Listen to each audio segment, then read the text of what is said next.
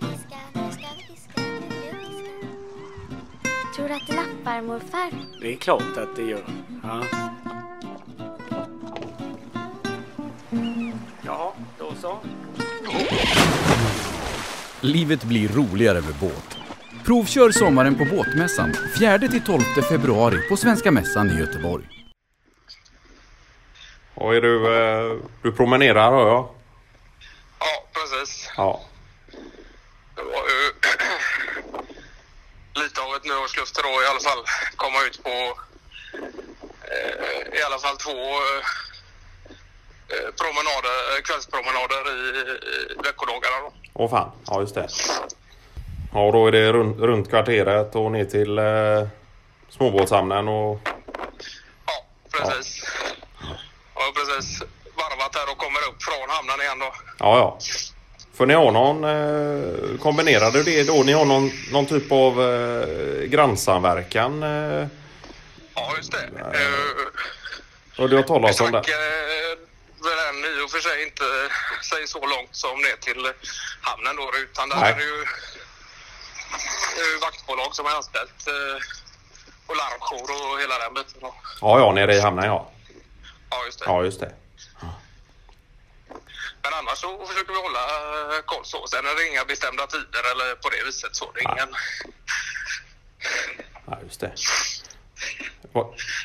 Det var, inte eh, så att det var eh, Jörgen Klinge hade... Ja, men när, när, när Kenneth Olskog skulle låna Klinges motorsåg där som han hade ställt utanför dörren och, och det hade blivit ett väldans pådrag där med att någon granne till dig hade trott att han var inbrottstjuv och... Ja, just det. Ja, det var... Jag tror det han dröjde en två, tre sekunder sen eh, dök eh, Lars Minning upp där och så barsk som han kan vara i tonen och, och Ja.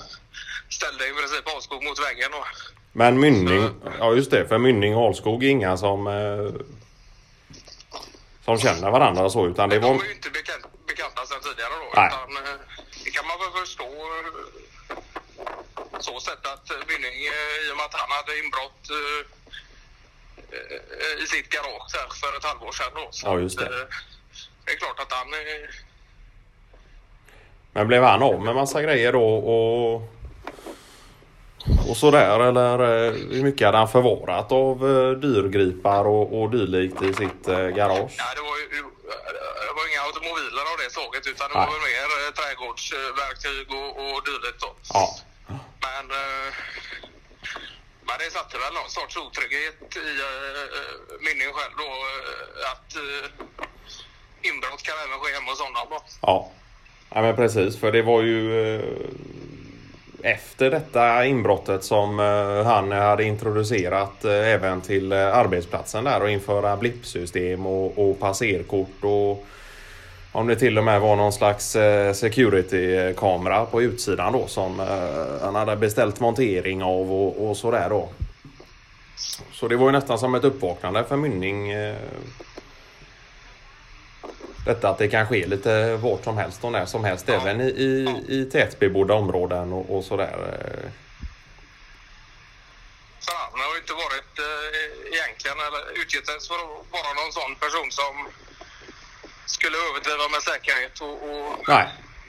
sådant sen innan då utan det var nog eh, kom väl främst som en chock där efter själva inbrottet i garaget just då. Ja.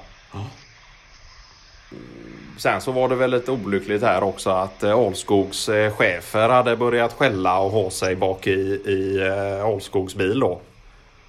Just Och det hade ju också skrämt upp eh, Mynning och, och under de minuterna som eh, det krävdes att Alskog eh, hade bevis på att han kände Paul Klinge då och sådär så stod ju den och skällde och det tog ju tid att, få tyst på den och sådär också. Så det är ju klart att det är också Alskogs säkerhet på något sätt att ha, ha med sig den då.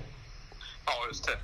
Och kanske just en signal eh, att man inte är inbrottstjuv utan Ja, därför stämmer jag tryggheten snarare då. ja.